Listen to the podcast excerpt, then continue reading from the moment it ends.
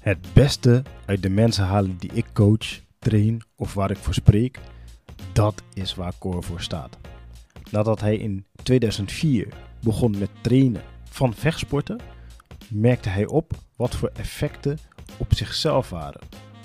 Want naast het fysiek fit te worden, kon hij meer over zichzelf en andere mensen om hem heen begrijpen. Zijn bijnaam, Core de Coach, heeft hij te danken aan de bereidwilligheid om jonge mensen al vroegtijdig vooruit te willen helpen. En met zijn unieke vorm van coaching, waarbij hij onder andere vechtsporten en coachingsvaardigheden combineert, heeft hij een methode ontwikkeld die hij de boxende coach noemt. Zijn belangrijkste doel op het moment is om betere leiders in de toekomst te ontwikkelen. Door een combinatie van de boxende coach en diverse breintrainingen in te zetten. Een van zijn passies is capoeira. en je raadt het of niet, ook die elementen van die vechtsport combineert hij heel mooi met coaching. Nou, luister goed. Als jij meer uit jezelf wilt halen, maak dan een connectie met hem. En die connectie start nu bij het beluisteren van deze leuke podcast met Cor van Driebergen, alias de boxende coach. Ehm, hij sprak echt uit emotie. Je zag echt dat, het, dat de dingen die er besproken werden, dat het echt van ver kwam. Dat was Ja. ook mooi te zien. Het is, eh, het is dat ik het niet had opgenomen, maar de emotie was echt aan alle kanten zeg maar, gewoon van zijn gezicht af te lezen. Het was gewoon heel puur, heel echt. En dat, eh, ja, dat zag ik bijvoorbeeld bij Michel ook. hè, dat ik bij hem thuis was en eh, aan het opnemen was. En ja, sowieso als hij aan is en dat hij blijft gaan. Eh, echt heel waardevol. Ja. Maar tegelijkertijd, eh ehm, het was gewoon heel echt. Echt heel echt. En als ik het moet vergelijken met een andere opname die ik heb gehad in de avond. Ook gewoon heel fijn. Eh, hele, hele leuke gesprek gehad. Maar ehm, het gevoel dat je dan steeds meer in het bewuste denkmodus zit. Ja, nou, eh, weet je hoe je dat, dat soort dingen kan tackelen? Gewoon een simpele meditatieoefening. Ja, Van, hé, hey, we gaan nu lekker praten over het leven. Even een oefening, ogen dicht.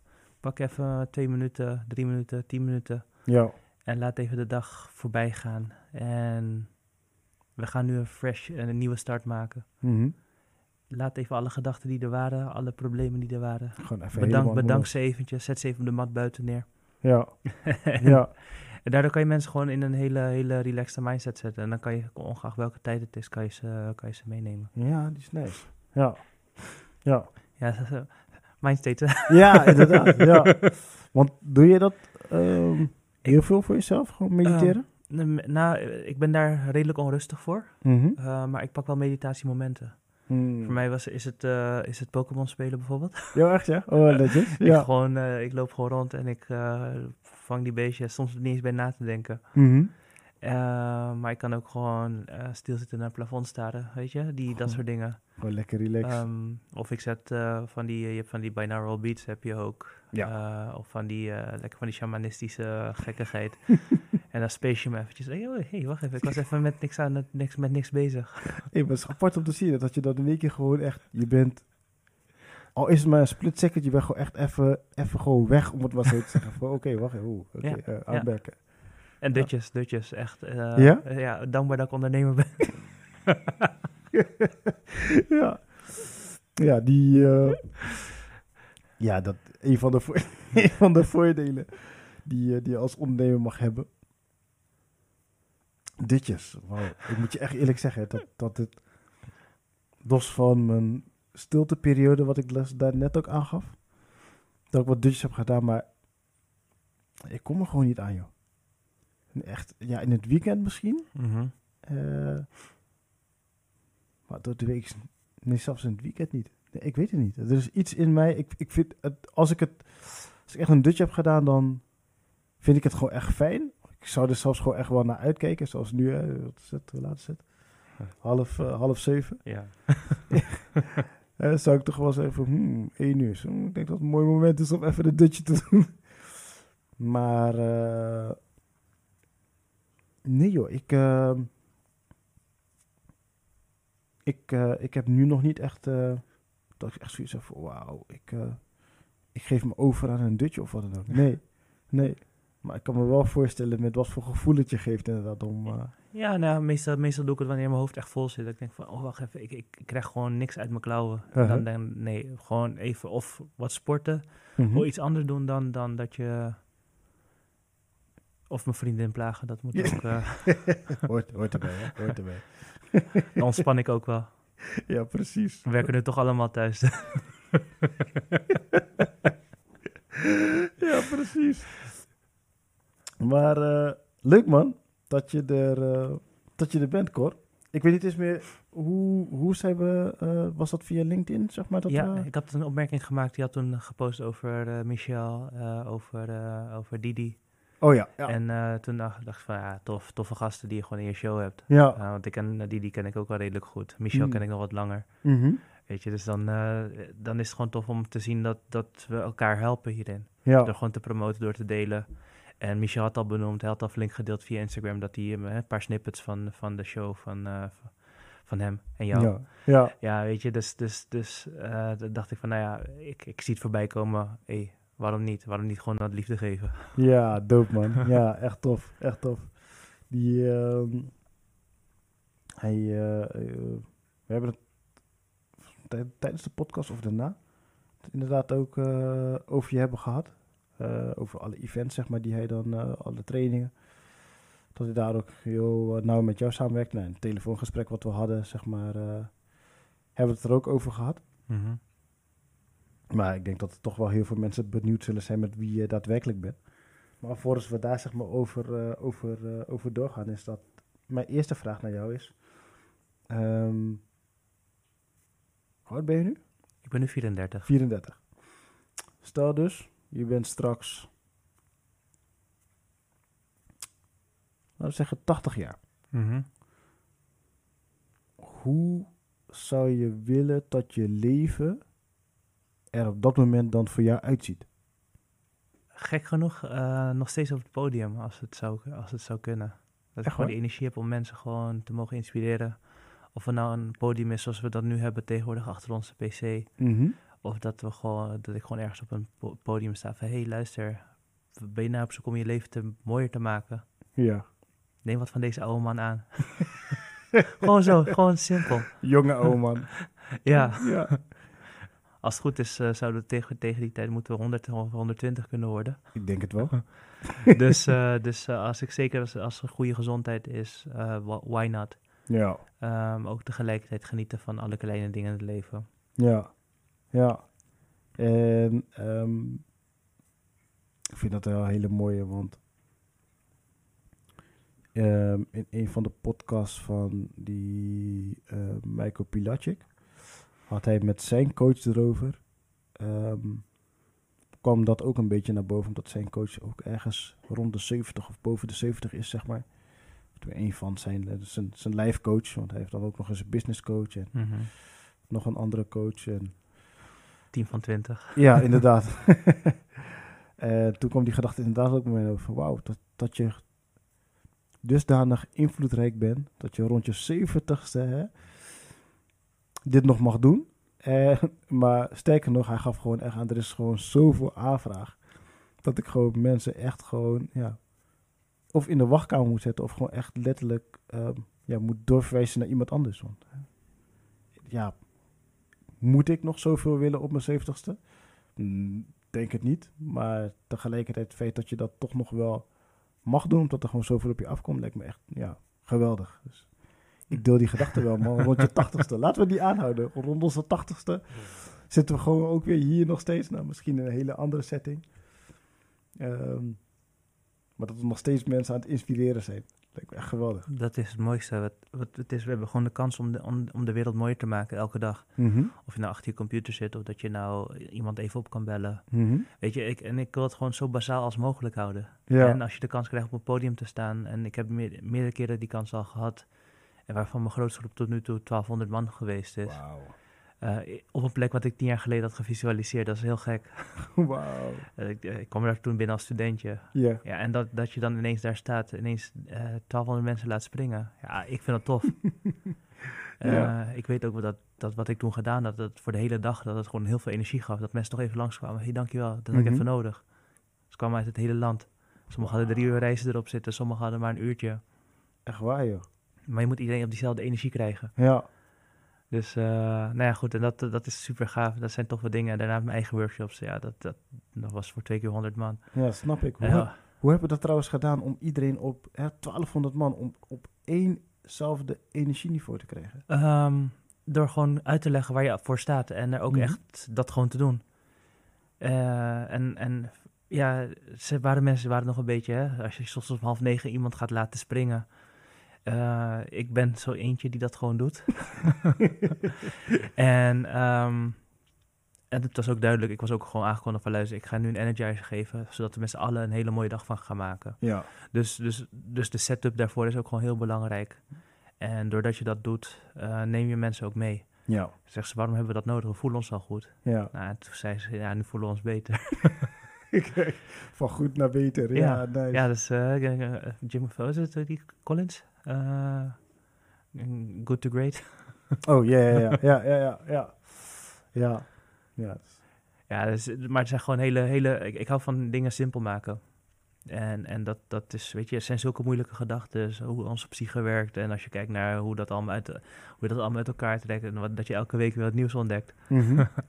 En, en met soms met hele simpele dingen, dat je gewoon iedereen mee kan krijgen, eh, zodat je gewoon iets leuks kan maken voor een ander. ja. Ja, en dat, dat, dat was wel, eh, Geweldig, man. ja, dat zijn gewoon leuke dingen. Daar word, ik Ja. gewoon, daar word ik gewoon blij van. ik zie het, maar je straalt gewoon helemaal hoe je erover begint. Ja, is echt nice. Maar heb je voor jezelf, zeg maar, hè, dit, dus hè, 80-jarige core, Mhm. ehm, heb je voor jezelf dan al het gevoel van, oké, ik zit nu nog steeds op de juiste weg om die 80-jarige core te worden? Nou, ik vind dat ik hem wel mag versnellen nu. Je mag hem versnellen. Ja, ja ik mag hem nu even iets versnellen in die zin. eh, ik neem heel veel kleine stapjes. Mhm. En ik geniet ervan, zeker nu, nu ik extra tijd doorbreng met, mijn- met mijn partner.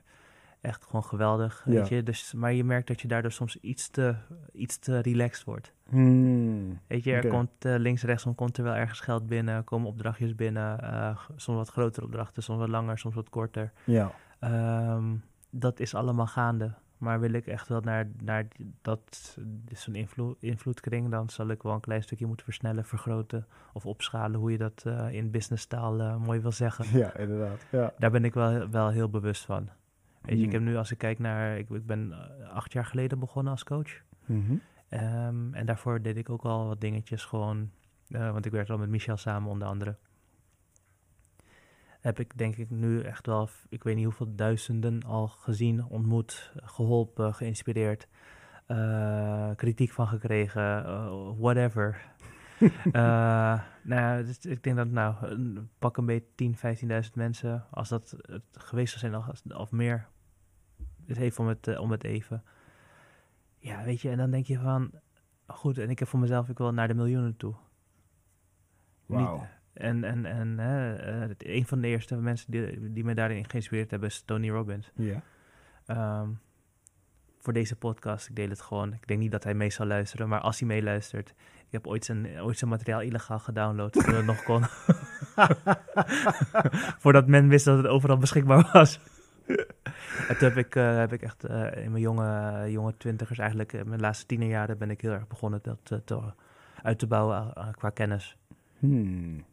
Dus, Hmm. eh, dus ik- omdat ik gewoon heel erg naar informatie op zoek was, hoe kan ik mezelf verder ontwikkelen? Ja. Want het was leuk, ik had mijn, mijn, mijn, mijn VWO met twee vingers in mijn neus gehaald. en, en mijn studie was ik begonnen en Ja. ik dacht van, ja, maar ik was die vatsige jongen die verlegen was, die niemand aandurfde te spreken. Oké, hoe gaan we dat doen? Mhm. Nou, ik werd toen eigenlijk, eh, was ik al ook in de sportschool aan het werk. Mhm. was meer vrijwilligerswerk, zodat je gratis kon trainen. Mhm. Dat eh, zijn altijd de leuke systemen. Ja, inderdaad. Maar mensen kwamen met hele verhalen tegen mij tijdens het trainen. Ik dacht van, wat? Echt waar? Ja, echt gewoon emoties die Hmm. vrijkwamen. En ik dacht van, hey, ik heb toch niet zo zwaar die training gegeven. Nee, nee, nee, dat is het niet. Maar, en dan kreeg je een verhaal over je en dat waren niet de minste mensen. Want Hmm. de sportschool waar ik toen eh, eh, trainingen gaf, die hadden de RIT's, die hadden de EMC's. En die hadden een paar grote bedrijven hadden ze, hadden ze onder hun account staan. Ja. Dus daar trainden ook gewoon managers en hoger trainden daar. Hmm. En dat weet je, weet je pas achteraf wanneer je connect met ze. Ja, precies. En, en, en ik heb daar toen, ik was toen 17, ik heb daar zoveel van geleerd. En ik, ik dacht van, maar waarom vertellen mensen dat tegen mij? Mhm. Er staat er groot op mijn voorhoofd van, hé, hey, eh, vertel me je verhaal, ik luister wel. nou, zo ben ik eigenlijk in, in, in het persoonlijk ontwikkelingsmateriaal terechtgekomen. Hmm. Gewoon door, ook door die vragen te stellen van, Ja. hey, Ja, inderdaad. En, maar ehm, los van de diepgaande interesse, zeg maar, voor de ehm, persoonlijke ontwikkeling. ehm, wat is voor jou echt je drijfveer geweest om er überhaupt, zeg maar, mee bezig te zijn? Nou, wat ik merkte is dat ik eh, heel erg moeite had om mezelf te laten zien. Ik was Hmm. fysiek altijd wel erg groot. Eh, in de ruimte was ik altijd wel aanwezig. Ja. Maar om me echt te laten zien, dat vond ik heel lastig. Hmm. Ehm, ik heb voor mijn, eh, voor mijn formaat heb ik relatief een hoge stem. Mhm. Eh, en dat komt omdat ik hem altijd afkneep. Ik vertelde nooit volledig het verhaal wie ik was, wie ik ben en waar ik naartoe wil, wat ik droomde. Eh, en dat, dat, dat is iets wat ik, waar ik zelfs nu nog steeds Mhm. eh, mee mezelf aan het ontwikkelen ben. Op het ene Mm. moment sta ik daar voor, ja, kijk. En op andere moment denk ik, oh, mijn dekentje thuis, oh, heerlijk. Vriendin tegen me aan, zo. Zo, en dan gewoon helemaal niks, weet je. Ja, Laat de wereld ja, voorbij gaan, zo. en, en, en dat kan, kan een vorm van extraversie zijn, maar ook een vorm van introversie. Dat hebben we allemaal. Ja. Maar meer van, van, ja, maar wie ben ik dan eigenlijk echt? Dus die, die, die, hè, dat, dat hele identiteitsverhaal. Ja, ja. Eh, ben ik nou die jongen die makkelijk kan leren met mijn VWO? Ben ik die jongen die bedrijfskunde gedaan heeft? Of ben ik een coach? Hè? Want hoorde coach is natuurlijk ook een van de bijnen. Yep. Daar is het mee begonnen. en ehm, zo allemaal die, al die stappen, Mhm. dan ga je toch elke keer ga je filteren. Of ben ik nou die vechtsporter? Die wat Mhm. aan de zware kant is. Mhm. Of ben ik nou degene die eh, drie keer Nederlands kampioen geworden is met, eh, met vechtsport? Maar toch tegelijkertijd weer, als je dan ziet van wacht even, maar als, eh, dat is geen. Hè, hoe identificeer je als kampioen? Ja, precies. Weet je, het is allemaal van dat soort dingen. En, en, en dan je echt laten zien. Mhm. Dat is voor, dat is, dat is, dat is, eh, ik, ik krijg het nog steeds regelmatig terug. Mhm. Van Cor, je mag wel wat, nog wat meer van jezelf laten zien dan je al doet. Ik denk van, ik heb dat wel eens een paar keer gedaan in ruimtes. Mhm. En mensen stonden helemaal achter in hun stoel. Die wilden bijna de zaal uitrennen. Ja, echt waar? Ja? Ja. Ja, dat, dat, blijkbaar was dat toch iets te veel. Hier heb je net een kaart krijgen ook. Ja. Ja, ja, Ja. ja. nee, maar dat, dat, is, dat is het ook. Eh, sprekersbureaus, nou ja, ook een oproep aan deze. Ja. Ze, ze, ze, vinden het lastig om mij te plaatsen. Echt waar, joh? Ja. Oké. Gewoon puur vanwege de, de, de kracht en energie die je dan op dat nou, moment ik, hebt? ik, ik heb veel verschillende facetten. Mhm. Eh, we hadden net ook in het voorgesprek een beetje daarover van als coach. eh, we hebben, eh, ik heb ook eh, de boxcoaching. Ik heb Mhm. eh, breintrainingen. Mhm. En ik ben iemand die gewoon mega nieuwsgierig is. Dus als iemand vraagt van ja, wil je, weet je wat voor marketing af? Ja, natuurlijk. En dan kan ik daar uren over praten, over delen. oh, hè, omdat je zoveel informatie verzameld hebt. Mhm. Of dan ga je ineens weer een stukje in op, op een onderwerp van waar gaat het over? Ja. Maar dat is gewoon puur omdat ik interesse heb. Mm. En omdat je dan die verhalen voor de meeste mensen is dat niet aan elkaar te lijmen. En ik doe dat vaak wel, Mhm. maar soms iets te snel. Mm. En eh, dan weet je dat zeker als je voor publiek staat of wat dan ook, dat je echt moet vertragen. Ja, ja. Maar eh, is het voor jou, hoe ga je er eigenlijk voor jezelf zeg maar, mee om, om, om... Want op dat moment zeg je eigenlijk, je bent je eigen mindset aan het downsizen. Nou, mijn mindset, ik wil niet zeggen mindset downsizen. Mhm. Ik, ik, mijn mindset we- weet ik waar het, sta, waar het staat. Mhm. Maar ik ben wel een van de dingen die ik doe is rekening houden met. Ja, precies, dat bedoel En, ik. en, en, en voor mij is dat niet per se downsize. eh, Is het voor mij toepasbaar maken dat het voor die persoon eh, Hmm. tastbaar is. Ja, Een van de dingen die ik ook, ook, ook vanuit de trainingen mensen aanleer en ook van, van mezelf heb moeten aanleren, Mhm. is hoe groot je kan dromen, is wel mooi. Maar het moet tastbaar zijn. Je Mm. moet het kunnen voelen, je moet het kunnen ervaren. Ja. En we hadden, eh, eh, we hadden het wel eens over, over 1 miljoen euro. Mhm. Ja, ik wil graag miljonair worden. Ja. Maar toen ik dat eh, tien jaar geleden zei, van ik om mijn dertigste ben ik miljonair. Nou, ik ben het nog niet trouwens hoor. Verder van. Nog niet. Eh, Precies, dus, goed hè dat ik dat zei. Maar toen zag ik die, dat eentje en die zes nullen. Toen dacht ik van, wacht even, dit is best wel groot. Mhm. En eh, nu kan ik er wat makkelijker naar kijken. Ik zit ook in wat kringen waar je mensen kent die zeggen... oh ja, maar oh, ik heb van de week eh, 100 miljoen euro ergens in geïnvesteerd. Ik denk van, waar, hoe praat je hier zo makkelijk over? Ja.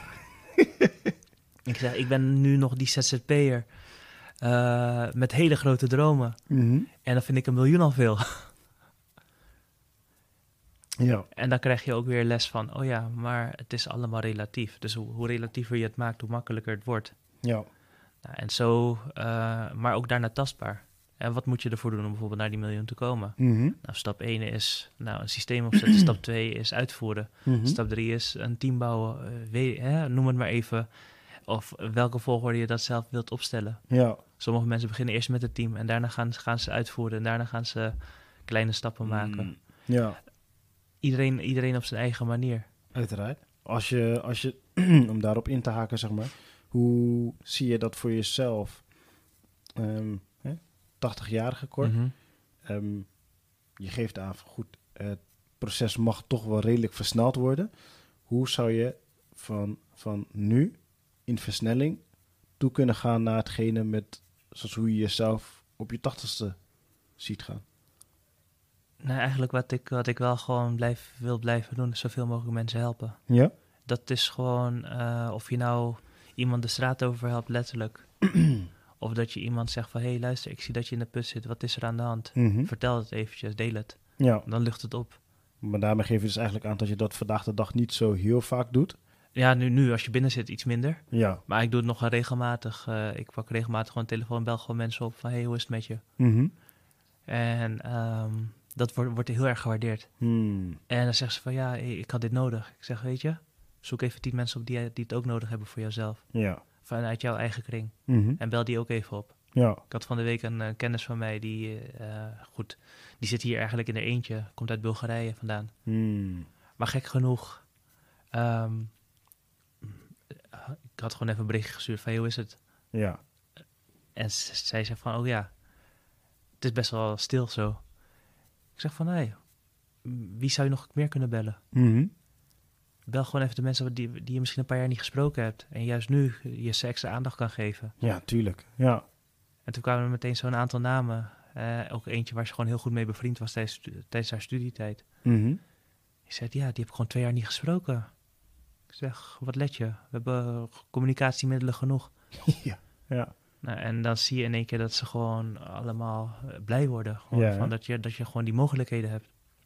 Hmm. Stel je voor dat wij dit niet zo zouden op kunnen nemen. Mhm. En dat we, dit, dat we e- elke vraag met een briefpapier moeten beantwoorden. Heb je je podcast opgenomen over twee maanden? Oh, wauw. Wat Snap je? We hebben het over podcast over opname van, van wat is het, 20 jaar of 20.000 jaar geleden inderdaad. Ja. Ja. Nee, maar zelfs, zelfs als je zelfs over twintig jaar geleden praat. Podcast opnemen was niet eh, zoals we dat nu kunnen doen. De studio setup die je daarvoor moest hebben. eh, om eenzelfde kwaliteit geluid te hebben. Wat je nu hebt met een, vanuit je kantoor eigenlijk. Mhm. Ja. Dat is dat zo basaal. Als je kijkt naar wat, wat voor technologische veranderingen er zijn. Mhm. en je maakt die link met wat je nu wil doen, dan kan je ook, hè, ik wil miljoenen mensen bereiken, maar ik hoef ze niet allemaal direct te bereiken, kan ook indirect zijn. Mhm. Dus ik heb een aantal lagen hierin ook voor mezelf. Ik denk van ja, stel je voor, ik heb mezelf die 10 miljoen eh, ge- gesteld. Ik denk Mhm. van wacht even, maar wat kan ik doen om dat te bereiken? Eh, om die mensen te bereiken. Ja. Ik kan elke dag kan ik duizend mensen bereiken. dan kom je op een gegeven moment ook wel niet 10 miljoen. Mhm. Je kan ervoor zorgen dat je duizend mensen bereikt. En je zegt van luister, doen jullie dat ook eens voor je in je eigen kringen? Mhm. Dus je geeft de kennis door. En leuk dat jij het geïnitieerd hebt. Misschien komen ze een keertje terug naar je in, op een ander laag. Maar dat hoeft niet altijd. Nee. Nee. Eh, of je gaat die dingen combineren met elkaar. Kijken waar je steeds elke keer je invloed kan vergroten, wat kennis op kan doen. Mhm. En, en, en, en ik heb dan eh, in dat opzicht een diversiteit aan kennis opgebouwd om dingen uit te, hè, door dingen uit te proberen. Mhm. Door te falen, door zichtbaar te zijn. En nu eh, heb ik gewoon verschillende platformen waarop ik dat aan het opbouwen ben. Ik heb mijn eigen websites. Ehm, nou ja, social media is, is altijd wel iets geweest wat, wat heel veel mensen denken, social media is pas sinds 2014. Mhm. Ik was al in 2004 mee bezig. Echt waar, joh? Oh, wauw. Gewoon omdat er zoveel nieuws kwam en, en niemand wist er nog van. Mhm. Ehm, Daar was je al gewoon al een was- stapje voor. Zeg was, maar. ik, was ik gewoon al aan het kijken van Ja. wat, wat is er in deze wereld? Ja. Wat is echt de, de, de grootste motivatie geweest voor jou om zoveel kennis op te willen doen? Wat, wat, ehm, wat is echt jouw intrinsieke motivatie geweest om, om, om die grootste, om echt zoveel kennis op te doen? Nou, ik, ik ben gewoon heel nieuwsgierig van nature. Hmm. Nieuwsgierig naar de mens, nieuwsgierig naar systemen, processen. Mhm. Dus ik doorgrond het. Ik zoek Mhm. het uit van, hé, hey, wat, wat zit hier? Ja. Een kind eh, op de basisschool, een van, de, een, van de dingen die ik gewoon mij herinner. Mhm. Ik heb gewoon als, was het, ik denk dat ik negen jaar of tien jaar was, Ja. dat ik gewoon een spreekbeurt en een werkstuk ging houden over, eh, ging maken over kernenergie. Echt waar, joh. Kernenergie, wat, Om negen jaar. hoe, hoe kom je erbij? Ja. Ja, ik weet niet hoeveel kinderen, ik weet niet dan- luisteraars of wat dan ook, zeg maar, zo die gedachte hebben van, ja, toen, Ik, toen ik negen was, had ik het ook inderdaad over kernenergie of, of, of, eh, of andere eh, ingrijpende gebeurtenissen, maar... Ja, en eh, eh, in het jaar daarvoor heb ik zelfs een, een spreekbeurt gehouden over Hongarije. Ik weet ook niet waar ik daarbij kwam, hmm. maar gewoon ergens kwam het vandaan. Mhm. En het was van, oh, ik heb het gehoord. Nou, ja, laat me eens gewoon kijken, Ja, onderzoek doen. ja. Of als iemand verdrietig was, hé, hey, wat is er aan de hand? Vertel, waarom ben je zo verdrietig? Hm. Wauw. En, en dat, dat deed ik al sinds ik klein was. Wat heeft het je eigenlijk vanaf dat je klein was tot nu opgeleverd? Nou, het feit dat ik heel makkelijk kan, kan, kan klikken met mensen. Hmm. Dat ik, eh, als ik ergens binnenkom en ik ben zelfs niet eens in de mood om gewoon tegen mensen te praten. die, die dagen heb ik ook wel eens. zelfs ik heb die. en, en, en dat er dan mensen naar me toe komen en dat ze eh, gewoon even, ja, gewoon relaxed zijn. Dus ze zeggen van, hé, hey, eh, we laten gewoon lekker praten. Mhm. Eh, ik ken jou niet, maar hoe kunnen we elkaar leren kennen? En dan, dan schakel je op verschillende niveaus. Ja, mooi man. Ben je vanuit, vanuit die gedachte zeg maar ook, hè, als je in de wetenschap dat je dus echt heel veel kennis hebt opgedaan. En ehm, ben je voor jezelf dan ook echt bewust bezig ehm, naar, eh, of echt op zoek gegaan naar een, een persoonlijke zingeving. Dus echt een grote doel van het leven, waarom je dus ook daadwerkelijk hier mag zijn op aarde. Nou ja, goed, dat- wat ik zei met die 10 miljoen mensen, dat is wel echt een, een, een missie. En eh, dat, dat, dat, eh, wat ik daarin ontdekt heb, voor mij persoonlijk iets, is, is van, hé, hey, wat, wat is het maximale wat ik uit mezelf mag halen? Hmm. En eh, je, je ziet overal, zie je, hè, de, de motivational audio tapes, ja, je gebruikt maar zo'n klein beetje van jezelf, gebruik meer van jezelf. Ja. En eerlijk gezegd, ik geloof daar ook heel erg in. Mhm. Eh, dat, dat, dat wij als potentie, dat we minimaal, het minimale van onszelf gebruiken. Mhm. En, en dat we in ons hoofd dat we onszelf zo druk maken. Van ja, kijk eens wat we allemaal gedaan hebben. Ik zeg heel eerlijk, ik zeg wel dat ik veel kennis heb. Mhm. Maar als ik kijk naar het grote geheel, is het misschien maar zo'n mini-mini beetje van wat er bestaat. Hmm. En, en eh, nou ja, goed, en dan kom je op de wijze quote van Socrates. Hè? Je weet pas eh, als je hè, heel veel geleerd hebt, weet je dat je niks weet. Ja. ja. En, en, en, en daarmee kan ik mezelf altijd blijven verwonderen over bijvoorbeeld een kind. Eh toen ik v- hoorde over jou, eh, jouw verhaal over, over jou, jouw zoon. Ja. Dat je net zijn eerste tandje los zit. Ja. Ja, ik vind dat geweldig. Ja. Ja. Eh, ik geef ook capoeira lessen bijvoorbeeld, ook op scholen. Mhm. En ik kan me elke keer weer verwonderen over hoe kinderen... En ik ben best streng als leraar. eh Oh, echt? expres, ja, als je 30 kinderen in bedwang moet houden, dan... en, die, en, die, en hun eigen leraar kan dat niet. Hm. Nee. dan, dan, dan, dan moet je zelf daar staan. Ja. En, maar dan verwonder ik soms wat ik dan van hun terugkrijg. Eh, vlak voor de coronatijd waren een paar kids. eh, je, mocht, je moest al met dat elleboogje. En Mhm. dat was al, geloof ik, in februari was dat al, eind februari. Klopt. En Toen zeiden ze, nee, ik wil geen elleboog, ik wil je even knuffelen. Oh, echt joh? en, Oh, nou, en, man. en dan gewoon, ik heb ze maar twee lessen. Ja, En dat was al na de eerste les. wauw. Gewoon even voor het feit van, hey, je staat er, je hebt iets gedeeld met ons, je bent gewoon passievol. Mhm, En bij capoeira maak je muziek, doe je bewegingen, laat je wat dingen zien. mhm. Maar ik laat ze ook echt, echt hard werken. Harder dan hun normale gymles. Ja, echt hoor? Ja. Ja. en als je dan ziet hoe dankbaar ze daarvoor zijn, dat verwondert mij soms. En Hmm. sommige kinderen die, die kunnen de mooiste trucjes al nog beter dan ik. Ja, echt waar? Ja. En, en die zijn dan, en dan, dan zie je ze eh, ontevreden zijn over het leven. Hmm. En dan denk ik van, ik zeg, luister vriend, dit ben jij niet. Dat zeg ik gewoon keihard, hè. Ik zeg, ik ga jou nu uitdagen. Ik, en dan wil, maar laat ik zo'n combinatie van, van een paar bewegingen maken. Mhm. Ik zeg, en ga daar nu eens van genieten. Gewoon genieten dat je dat kan. En weet je wat? Zou je dit aan iemand anders willen leren? Die dicht in de buurt komt. En dan zet ik ze aan het werk als leraar. en dat is zo mooi. En dan zie je wat er dan gebeurt als je ze dan, dan, dan omhoog helpt. Ja. Tijdens mijn studententijd heb ik dat ook meegemaakt. Ik ben ook tutor geweest van, eh, van, een, eh, van een jaarlaag. Mhm. Met een aantal van die studenten heb ik nog steeds contact. Echt waar, joh? Ja, en die zijn veel verder gegaan dan ik eh, met, met verdiensten. En, en een paar die echt wel richting anderhalf ton, twee ton per jaar gaan. Mhm. Weet je, gewoon als werknemer dan. Hè, nog. Ja. Een paar die ook zijn gaan ondernemen. Maar wat, wat zo tof was, eerste les dat ik daar kwam, deed ik gewoon alsof, alsof, alsof ik een student was. Ik zeg Mhm. van, eh, en dan maakte ik gewoon een geintje van, hey, jongens, got you. ik ben jullie tutor voor, eh, voor, dit, voor dit schooljaar. Ja. Het is, oh nee, waar, waar zijn we aan begonnen? Maar dan gaandeweg bouw je relatie op met een aantal. Toen de tijd was er nog MSN. Mhm. En een van die studenten dus, eh, begon ineens een heel, heel klaagverhaal tegen me op te houden. Van, en ik ga het niet redden. Ik zeg, luister vriend. Jij bent al zo ver gekomen. Beter Mhm. ga je het gewoon doen. Ja. Ja. En hij heeft eerder zijn propenduizen dan ik. Oh, ik. Ik had het wel in dezelfde zomer gehad, door daar niet van. Maar hij had hem al voor de zomer had hij.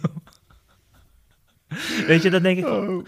Dat vind, en dan verwonder je gewoon over wat, wat, wat, wat er gebeurt als je net even iemand even dat, even dat vonkje aanzet. Hè? Die, die startmotor. Ja. Gewoon dat je vam. Ja. Eh, een aantal studenten die had ik gekoppeld met elkaar om elkaar als peercoach te helpen voor, eh, voordat het woord peercoaching bestond. Dat is geweldig. Mhm. En eh, om ze te, te matchen was één iemand die gewoon helemaal niet kon presenteren, die gewoon de, de, Engelse taal niet machtig was. Oké. En iemand die dat heel machtig was. Mhm. En dat meisje die dat heel machtig was, die was boos op mij eigenlijk. Want ze moest gaan... eh, Want ze moest, eh, moest voor haar doen gaan downsize. Ja. Maar ze heeft toen iets anders ontdekt. Het meisje die, die daarna moest presenteren, heeft haar hele tekst uit haar hoofd opgelezen. Mhm. Vond ik niet erg. Mhm. Maar je zag zo'n groei, je zag in één keer zelfvertrouwen. Wauw. En Ja. dat andere meisje, die, die vlak voordat ze haar, haar eh, eh, masterdiploma ging halen, Mhm. vertelde me doodleuk van... hey, Cor, door jou heb ik afgelopen twee jaar ben ik op 5, 6 VWO les gaan geven. Mhm. Gewoon als tutor ook. En ik heb daar dus ontdekt dat ik dus heel goed ben in mensen helpen. Ja. hey, dit is geweldig, man. Ja, nou, dat zijn super toffe Ja. dingen. ja. Maar ook andere studenten die, zeggen, die, die gewoon na het eerste jaar weg zijn gegaan van de studie. Die zeiden van ja, ik wil dit niet. Nou, eentje woont dus nu in New York. Die is gewoon eh, verpleegster. Oh, echt, Maar die begon eerst van, eigenlijk wil ik geen business doen. Mhm. Is ze naar Den Haag gegaan om, om, om internationaal recht te doen. Mhm. En toen zei ze, nee, dit is hem ook niet. En, eh, maar ik wil wel in New York wonen. En dus eh, van daaruit is, ze is ze daar gaan, gaan verplaatsen. Dus, get the picture. Jij doet extreem veel kennis, doe je op. Ja, Jij mag dat toepasbaar maken voor een ander met alle passie, liefde die je daarbij hebt om het over te geven. De ander wordt eigenlijk, om het maar gewoon heel oppervlakkig te houden, eh, wat eigenlijk niet eh, mijn ding is, maar goed, eh, wakker geschud in zijn, zijn of haar eigen passie. En dat wordt dus ook direct toegepast. Gewoon puur Ja. omdat jij zoveel kennis hebt opgedaan, dat toepasbaar hebt gemaakt naar een ander. En dat laat gewoon zoveel los. ik probeer het alleen maar te verbinden. Dat- dat- That's it. Alles wat ik opdoe, ook gesprek met jou vandaag, wat ik mag leren, wat ik deel, wat ik ook weer terugkrijg, Ja, dat ga ik kijken hoe kan ik dat verbinden. ja. Waarmee zou het verbonden zijn? Het feit dat ik nu zo praat, Mhm. dit doe ik ook niet elke dag. Nee. over mezelf. Dus het is een hele leuke uitdaging om het wel elke dag te gaan doen. Ja. nou, daarvoor ben ik dus nu ook wat meer eh, bijvoorbeeld mezelf aan het ontwikkelen in schrijven. Ja. Dus eh, ik weet niet of je net op mijn, op mijn mobiel zag, zat ik op een, op een app dat heet Medium. Dan Oh, kan je gewoon als schrijver kan je gewoon, gewoon ook je geld verdienen. Oh, echt joh? Maar je kan ook gewoon een kring opbouwen. Je kan je tone of voice vinden. Je kan bij publicaties worden uitgenodigd. Hmm. Nou, ik ben daar dus gewoon een paar keer mee aan het experimenteren geweest. En ik ga daar nu een constante van maken. Ah, mooi. Gewoon om, om daar stappen in te maken. Ja. Uh, Ja. Je hebt zoveel tools om handen dat het eigenlijk soms te groot is voor Mhm. je. om wat je allemaal kan doen. Ja. Hè, we zijn nu bezig met een podcast. Maar tegelijkertijd kan je ook een heel verhaal typen. Ja. Uh, of laten dicteren in dit geval. ja, inderdaad. en al, al die tools, die kan soms in één keer heel veel worden. Mhm. En daarin probeer ik toch het kleiner te maken en dan Mhm. die verbindingen te zoeken. Van hé, hey, wat verbindt het nou met elkaar?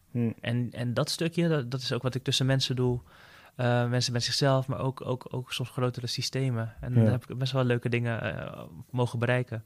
Ah, dat is mooi, man. Dus, dus, en dat is soms, soms verbazingwekkend als je gewoon terugkijkt. Dat, vind, dat is altijd, dat vind ik wel leuk weer van Steve Jobs. In hindsight, you can connect the dots. Yep. en, en eigenlijk altijd geweest. Uh, als je kijkt naar, of nou, naar een, een, meisje en een jongen die elkaar leuk vonden. Mhm. Ik zeg, hier jongens, ga maar. Juist. Weet je, zo. Eh, Terwijl ik zelf gewoon echt een chicken was, hè. Gewoon even, even over als het om dating gaat en Ja, wat dan ook. waar? Ik, ik, ik was op mijn twintigste, durfde ik een meisje aan te spreken. Ah, dus, dus, dus zo. we gaan het hier niet over dating hebben, maar nee, ja, goed. Nee, maar Ik goed, kan me maar, er maar, bij voorstellen. maar, maar Ja. dat, dat is dus, dus heel, heel gek hoe je dan soms buiten jezelf Mhm. eh, kennis hebt Mhm. en dingen met elkaar kan, kan samenbrengen. En Mhm. dan, hè, we begonnen over mezelf meer te laten zien. Mhm. Nou, dat was dus ook dat soort momenten waar ik, waar ik dus mezelf soms, ik wil niet zeggen wegcijferde, maar ik liet, me, liet niet de ware, ware, eh, ware ik zien. Ja. Is daar, is daar een, een ehm, bepaalde reden voor? Of is daar iets wat, Nou, wat daar v- aan vooraf heeft gespeeld, zeg maar, om... Nou ja, goed, gezinssituatie. eh, Mhm. als, je, als je altijd wel de verbindende rol hebt gehad, Mhm. of tussen je ouders, of, eh, of dat, hè, dat ze toch je, hun, hun verhaal bij je kwijt moesten. Mhm. Eh, en een broertje die ook gewoon lekker wil, zich wil laten zien, dan was je toch vaak op de achtergrond bezig. Eh, Ja. Ja, weet je, heel erg ja. naar de achtergrond gedrukt, zeg maar. Ja, Maar is dat ja. iets wat, je, wat jij zelf bewust of onbewust, zeg maar, deed? Of, of is dat echt omdat hun heel nadrukkelijk ehm, op, de voor, op de voorgrond, zeg maar, traden? Nou, laat ik het zo zeggen. Ik, vond het, ik heb het nog steeds, eh, vind ik het lastig om voor mensen lastig te vallen. Hmm. En gek genoeg is dat iets ehm, wat voor sommigen best, best hard is. Mhm. Eh, ja, maar je valt me niet lastig. Ja, Ik ervaar het wel zo. ja. Oh ja, dat Ja. is iets wat bij mezelf ligt. En ehm, ik heb dat altijd gehad op een of andere manier. En waarschijnlijk is dat ook uit die opvoeding gekomen. Mhm. Wel mega dankbaar ervoor, want ik heb daardoor veel, heel veel mogen, dingen mogen observeren en mogen aanschouwen en mogen voorspellen. Snap ik. En, Ja. en, en, en dat ik gewoon, dat je gewoon heel snel patronen leert herkennen. Van, Mhm. oh ja, dat gaat zo, dat gaat zo. Oh ja, die zegt dat. Oké, bam, dat is het volgende wat er gebeurt. Maar daardoor, je kan niet en op de voorgrond zijn en tegelijk de pat- patronen zien. Dat komt later pas. Ja, ja dus, inderdaad. dus ik heb heel veel vanuit de achtergrond heb ik eh, naar voren zitten en kijken van goed, wat gebeurt er? Ja. Eh, of het nou op school was. Op school was ik ook niet degene van kijk mij nou daarin uh, shinen. Zeker tot aan, aan, aan, eh, einde middelbare school Mhm. was ik met iedereen, maar ik was ook met niemand. Hmm. Ik kon gewoon bij iedereen kon ik aansluiten. Of, hè, ik zat op Montessori hier in Rotterdam. Ja, En daar had je altijd de groep de alto's en daar had je de kakkers en daar had je eh, ja, eh, de outcast. ja. En ik woog zo overal tussendoor.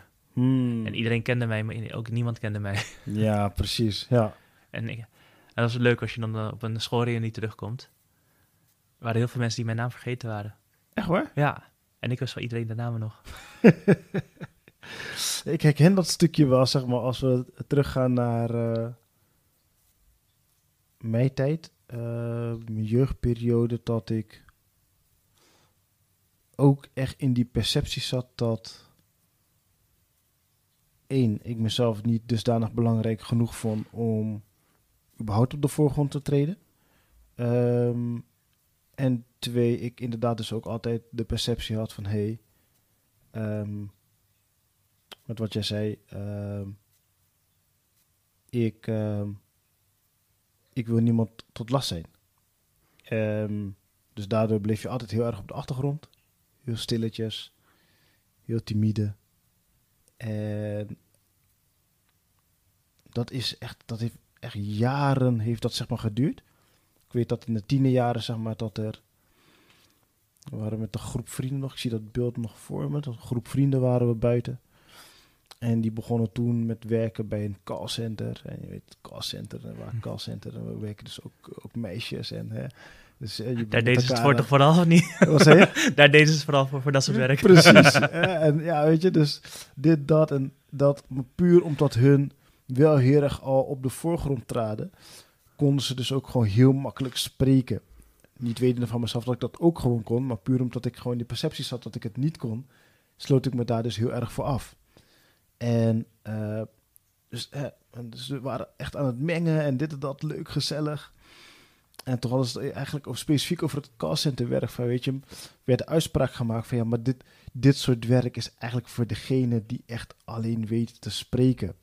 En het werd algemeen gebracht. Maar voor mij kwam het echt binnen als van wow, wacht even, je hebt dit tegen mij. Want Mhm. ik voel alsof ik niet kan spreken zoals hoe jij spreekt. Hoe, hoe heb jij dat eigenlijk, eh, hoe ben je daar overheen gestapt? Ehm, eigenlijk door, door ehm, in eerste instantie door werk. Ik werk in loondienst eh, als ICT'er bij een ja, is het slash service desk. Constant gaat de telefoon over.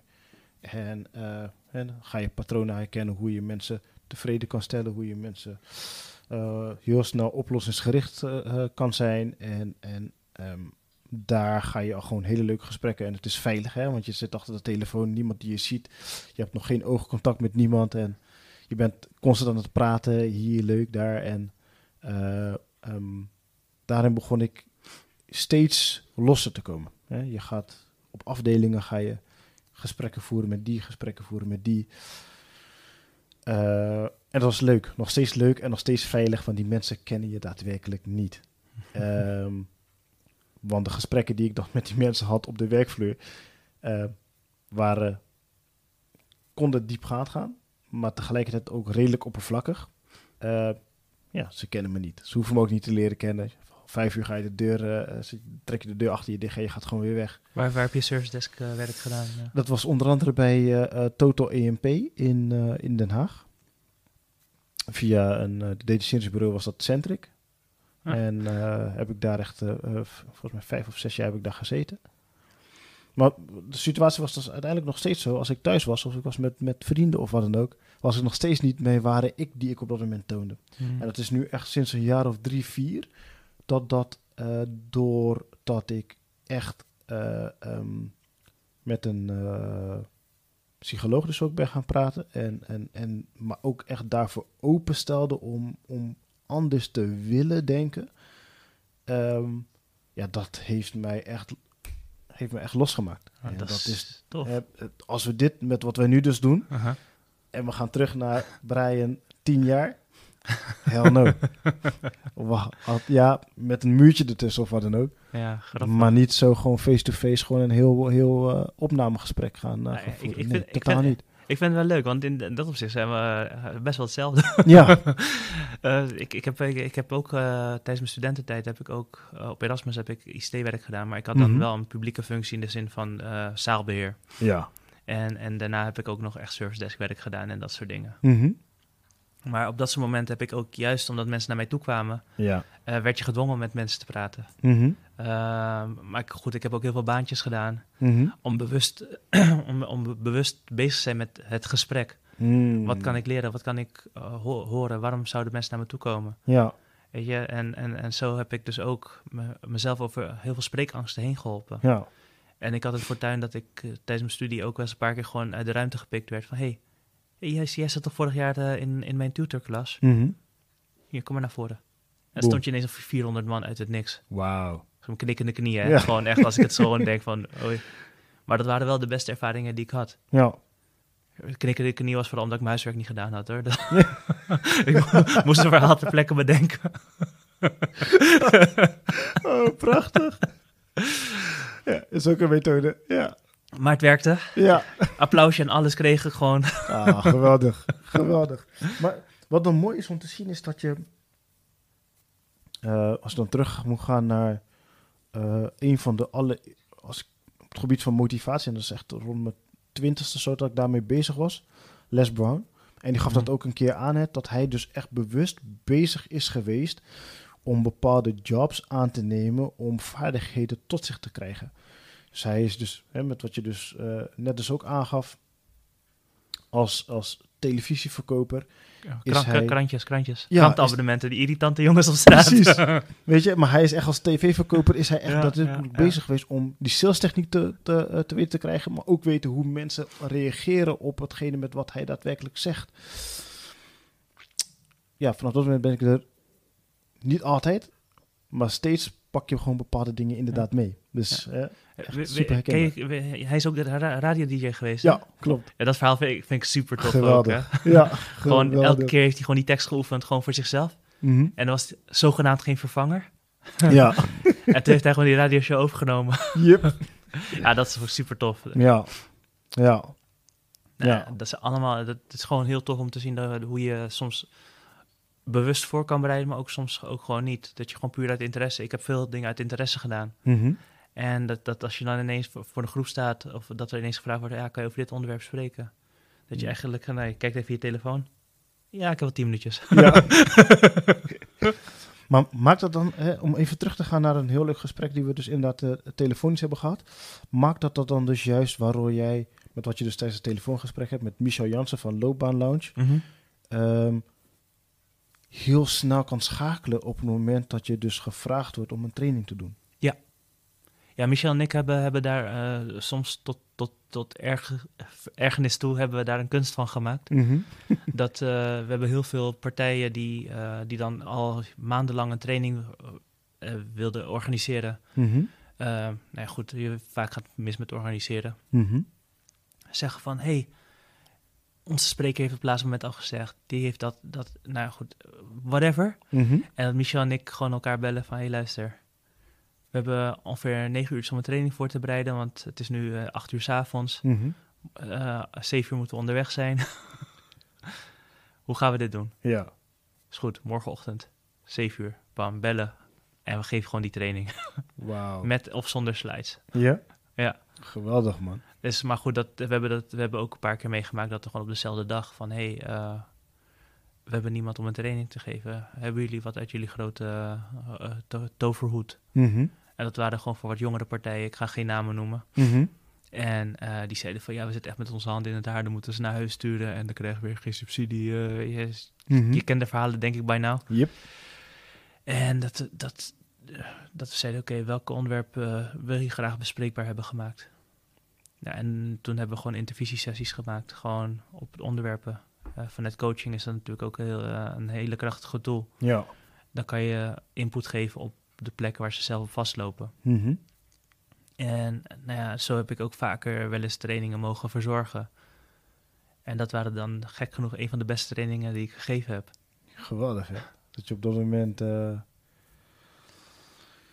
hoe noem je dat? Ehm,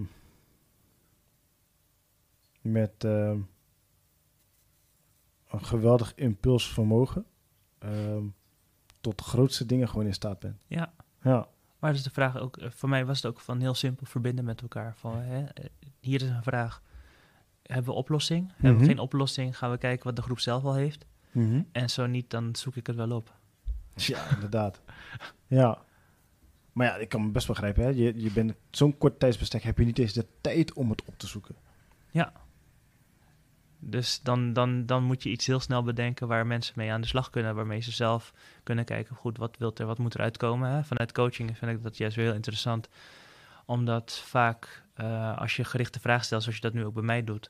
Of je vat het samen en je gaat dan weer terug naar van... hé, hey, maar dit is dus wat het is. Mhm. Ehm, kan je heel snel antwoorden uit mensen halen... Mhm. eh, waar ze zelf nog niet eens bewust over hebben nagedacht... maar dat ze dan in dat, in dat tweede brein, hè, dat, eh, het onderbewuste... Ja. En doordat je dan die vraag stelt, oh ja, ik heb er eigenlijk niet zo over nagedacht. zeg maar, je weet het antwoord al, zo, waarvoor ben ik nodig? Ja. oh ja, weet je, dan zie je die zelfvertrouwen. En dan, Yep. en dan komen er ineens, en dan gaan, gaan die gaat allemaal rechtop staan en zo. Ja.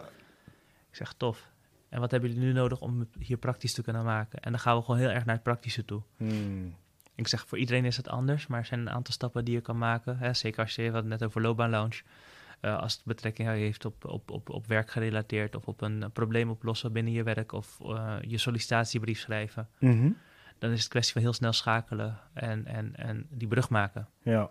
En hoe korter je die brug voor hun maakt als deelnemer, hoe makkelijker, hoe beter het ook wordt.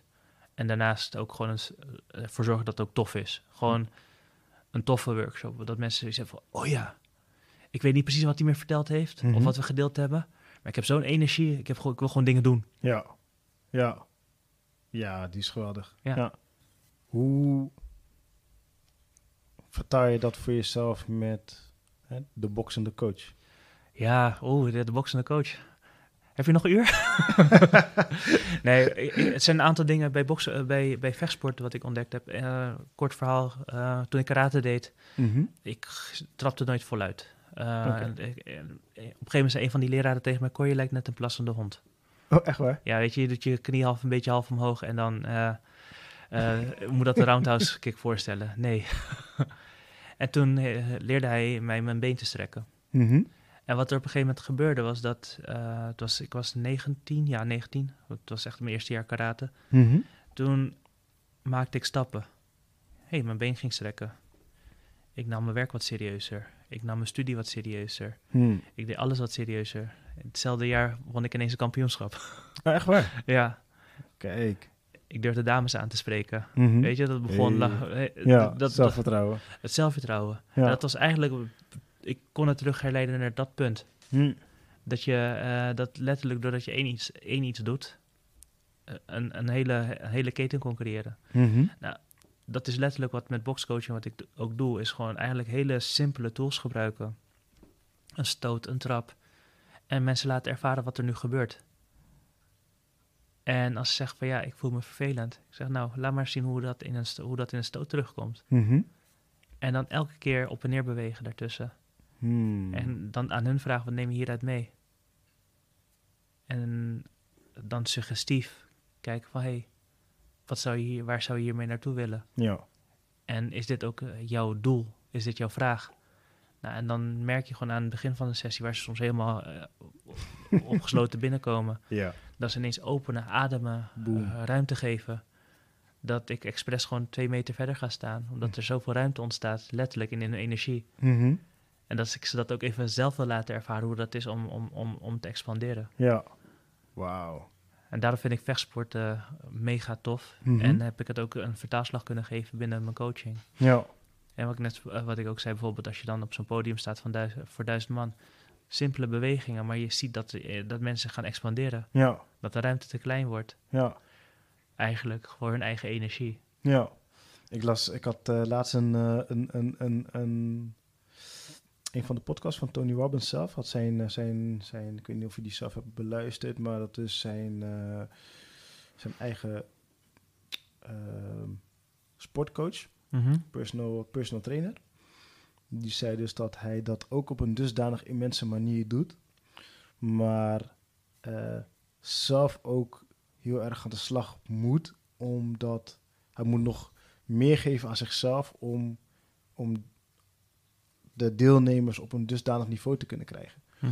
Ehm, dus hij is zo vaak aan het sporten dat hij een, op een dusdanige manier een, een energielevel kan meegeven. En een energielevel wat hij daar meegeeft, eh, de, de bewegingen, de, de, de intensiteit die hij daar, daarmee uitstraalt, of dat nou tegenwoordig met virtual reality is wat hij doet, of gewoon echt on stage, staat gewoon bijna gelijk aan, aan het, het fietsen van één of twee marathons. Klopt. Zo intens ehm, is hij daarmee bezig. Dus als hij er al zo intens mee bezig is, wat geeft het uiteindelijk degene, de deelnemers, of dat nou aan de andere kant van het beeldscherm is of, of echt on stage in het publiek?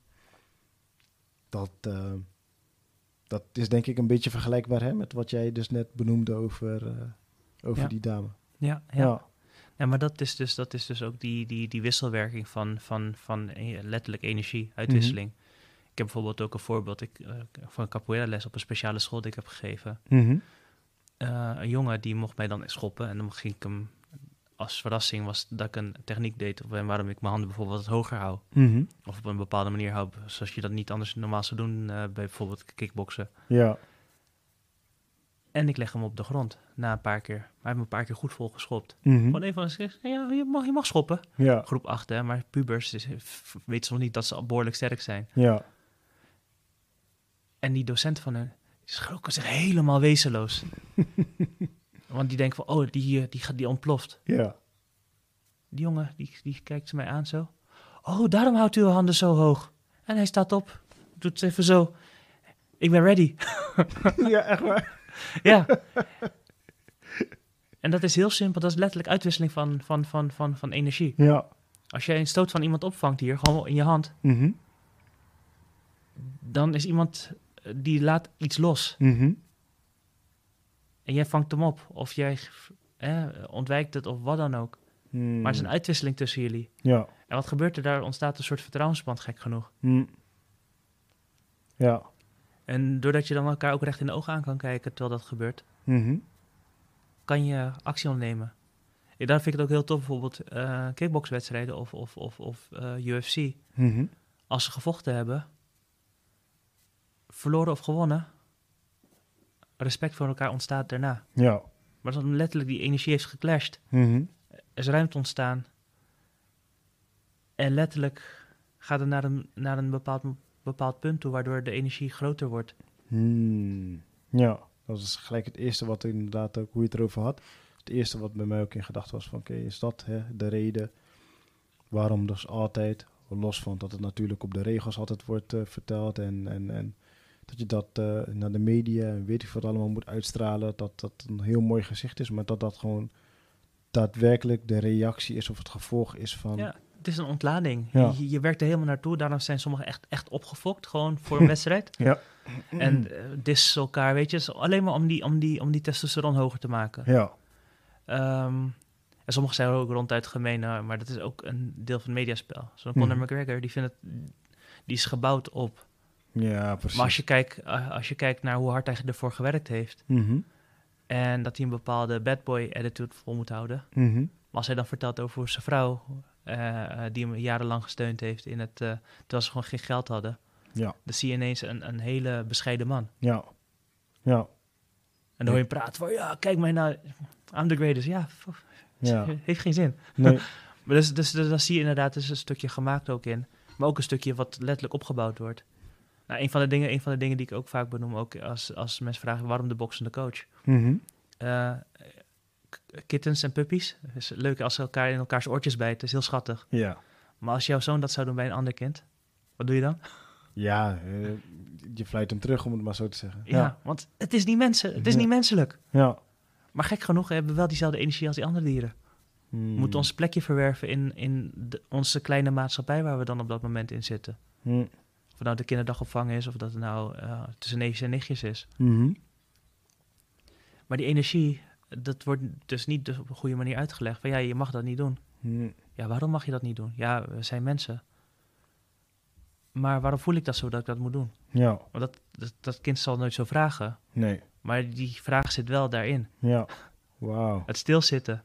Ja. Nou, zet de hond maar gewoon een, een, een paar uur lang stil in een hok. Mhm. eh, terwijl die wil rennen. Mhm. Ook al is hij je beste maatje, hij bijt jou eerst om te ontladen. Ja. En daarna gaat hij rennen. Ja. Nou, dat gebeurt ook met ons. En dat zijn elementen die, die we weten heel veel eh, rationeel te transformeren. Maar heel veel irrationele dingen of, of explosies of ontladingen weten we geen, geen raad mee. Hmm. Nou goed, dat zijn allemaal elementen die ik dus ook meeneem vanuit puur, puur biologie en fysiologie. Mhm. Ook in de, in de coaching. Dus zo, al die punten die bij elkaar komen. Ja, die is mooi. Dus het gaat, gaat veel dieper dan alleen maar van... Hey, ik even drie keer op een stootkussen en dan ben ik even Dat blij. is klaar. Ja, precies. Maar Ja. goed, dat, dat doe ik nu als, als coaches onderling uitleggen. Mhm. Maar heel veel mensen komen daar niet eens aan toe, hè, om dat uitgelegd te krijgen. Nee, waar zit het om toch dat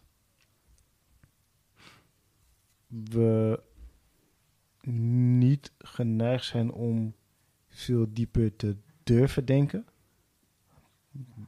Mijn gevoel zegt dat het echt een kwestie van durven is. Tot hè, op het moment dat je wat dieper gaat, wordt er toch wel wat blootgesteld. En dat moet eerst weggeruimd worden voordat je dieper kan gaan. Mhm. Wat zegt je gevoel erin dat, dat, dat wat, wat de reden daarvan kan, zo- zou kunnen zijn? Nou ja, we zijn zo doorgefokt, om het maar netjes te zeggen, Mhm. in het eh, ik moet een mens zijn. Hm. Maar wat is die... Regels, eh, bepaalde houding. Je gaat niet zomaar iemand op zijn bek slaan. Eh, je loopt netjes in de rij. Allemaal van die regeltjes Mhm. die gecultiveerd zijn. Of noem het even overgecultiveerd. Mhm. Maar wordt geen ruimte gegeven aan het wezen, het, het, het dier zijn. Maar even heel simpel, als er een mooie dame voorbij loopt bij ons terwijl we hier aan het praten zijn, dan hoor je ineens een beetje het geluid van de microfoon zo weg. wegdraaien, toch? Ja. ja, inderdaad. Dat is normaal. Dus Ja. dat is een normale reactie. Ja. Maar we worden geleerd van ja, dat is verboden, foei. Dat kan niet. Het is heel eng, mensen kunnen zich bedreigd voelen daarom. Hm. En doordat ik het gewoon bespreekbaar maak, haal ik al heel veel van die eh, negatieve energie eruit. Ja, precies. Dus, dus, dus dan ga ik er ook gewoon heel relaxed mee om. Ja. Als ik iemand heel tof uit vind, vind zien, of een man of vrouw, Mhm. of dat je gewoon iemand knap is, dan zeg ik dat ook gewoon. Mhm. En daar hoef ik geen bijbedoelingen, niks. Maar we zijn zo eh, gecultiveerd om te denken van, ja, maar dat kan ik toch niet zeggen? En dan bouw je stress op spanning. Ja. En daardoor word je gewoon eigenlijk gewoon gestoord. Ja, precies. Ja. Wereldse gedachtes. Ja, wereldse gedachten, maar ook gewoon heel klein. Als je kijkt naar bijvoorbeeld, eh, was het tij- vorig jaar zo een paar jongens waren bestraft dat ze een, een meisje nafloten. En die, heeft, die hebben toen ook flinke boete gehad. Er was een hele mediacircus omheen gebouwd. Dat kan ik me even niet meer Ja, herinneren, maar... Goed, eh ja. nafluiten mag dus niet. Hmm. Je Was bent, dat- jij bent Surinaams? Ja. Wat is, het- wat, is, wat is een stukje wat wij uit onze cultuur hebben meegekregen? Hey, pst. Ja, standaard. Ja. Echt een, straatdingetje inderdaad, ja. En dat was geaccepteerd. Hmm. En nu hebben we het in Nederland hebben we het dusdanig eh, kunnen weten te manipuleren dat je mensen daarvoor gaat bestraffen. Mhm. Ja. Tuurlijk pst, is misschien wat, hè, als je kijkt naar hoe mensen graag behandeld willen worden. Mhm. Maar ondertussen wordt dat stukje wordt niet besproken. Nee. We zoeken allemaal naar de liefde. Als je, als je dat echt allemaal, echt, echt alles wat we, wat we nu doen, Mhm. zelfs dit gesprek, alles wat we doen, we zoeken gewoon puur naar de liefde. Ja. De aandacht, de erkenning. Dat is, dat is eigenlijk het allerdiepste. Mhm. En ik denk ook als je dan terugkomt naar de allereerste vragen die je stelde, Mhm. is het erkenning kunnen ontvangen, maar ook kunnen geven aan anderen die, het, die er moeite mee hebben om het te kunnen krijgen. Of die het niet kunnen krijgen. Ja. Ja. En dat, Maar- dat vind ik, echt- dat, dat, dat merk ik gewoon in alles wat ik doe, is, is, is, komt dat ook terug. Erkenning geven aan wat er is, maar ook aan wat er niet is. Dat, dat had ik gisteren, ik had gisteren een, een, boxcoaching, ik doe dat nu vanwege corona ietsje rustiger. Mhm. Gewoon bewust ook. Ja. Ehm, maar je ziet dat, dat die erkenning geven aan, Mhm. dat, dat, dat geeft zoveel energie. Dat is mooi, hè? Ja, Ja. Wat eh, had je als kind al kunnen, was je er als kind al bewust mee bezig dat je de gave had om dat te kunnen doen? Ik was er niet bewust mee bezig, Mhm. maar ik deed het gewoon. Hm. Is het juist dat je het al deed, heeft het je klaargestoomd voor hetgene met wat je nu dus? Zeker. Hm. Ja, dit, dat is heel, eigenlijk heel, heel, heel makkelijk eh, te beantwoorden. Ja. Het, het heeft me niet klaargestoomd voor om een ondernemer te zijn. Totaal niet. Dat ben ik pas afgelopen twee jaar aan het leren. Ja, ben je, ben je, ooit, ben je überhaupt ooit echt klaargestoomd als ondernemer? Nee, uh, één ding voor degene die luisteren. Mhm. Bedrijfskunde, international business, leuk als titel. Mhm. Maar het laatste wat je leert is hoe je bedrijf opstart. Ook Ja. al hebben ze zelfs een gespecialiseerde master in entrepreneurship. Mhm. Met alle respect. Het zijn vooral artikelen die je leest. Hmm. En ehm, over ondernemerschap heb ik heel weinig eh, meegekregen. Ja. Oké. Ehm, ja, terwijl je dat soms toch wel heel, zou, heel gauw zou denken als je die titels inderdaad hoort. Ehm, wat zou jij als laatste voor jou jouw meest sterke mindset-eigenschap mee willen geven aan degene die dit luistert? Blijf gewoon nieuwsgierig. Hm. Zonder oordeel. Die is mooi. Ja, die is mooi.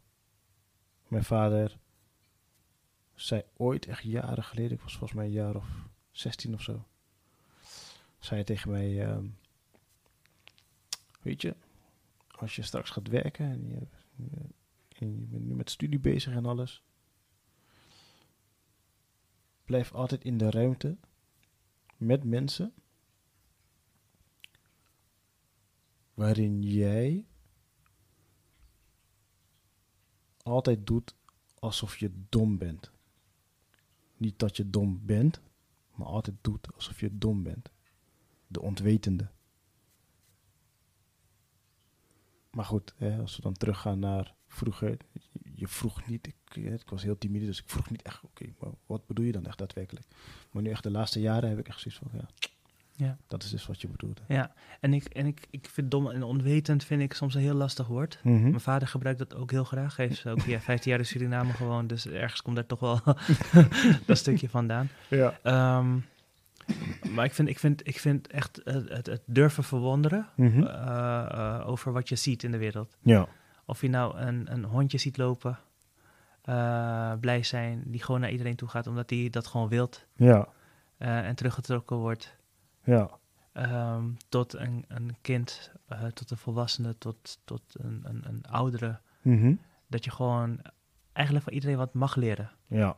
als je daarvoor open staat. En ehm, ook al weet je het, Mhm. oordeel daar niet over. Ja, dat is waar. Want dat is een, een van de gevaren die wij hebben op dit moment, is, is namelijk het oordeel en het veroordelen. Mhm. En die, dat laatste zorgt ervoor dat we heel veel dingen niet meer doen. Ja. Als, Ja. je, als je kijkt nu naar de hele, hele coronadebat, omdat we zo bezig zijn met veroordelen, wie is de schuldige, eh, wie is de fout geweest, wie heeft wat, vergeten we dat we een- ook een oordeel kunnen vellen over wat we wel kunnen. Mhm. En gek genoeg heeft deze tijd me heel veel opgeleverd. Mooi is dat, hè? Ja. Ja. Dat is puur alleen maar nieuwsgierig zijn. Ja. Nieuwsgierigheid. Nieuwsgierigheid leidt tot kennis. Kennis die niet alleen voor jezelf gewoon heel mooi ehm, toepasbaar is.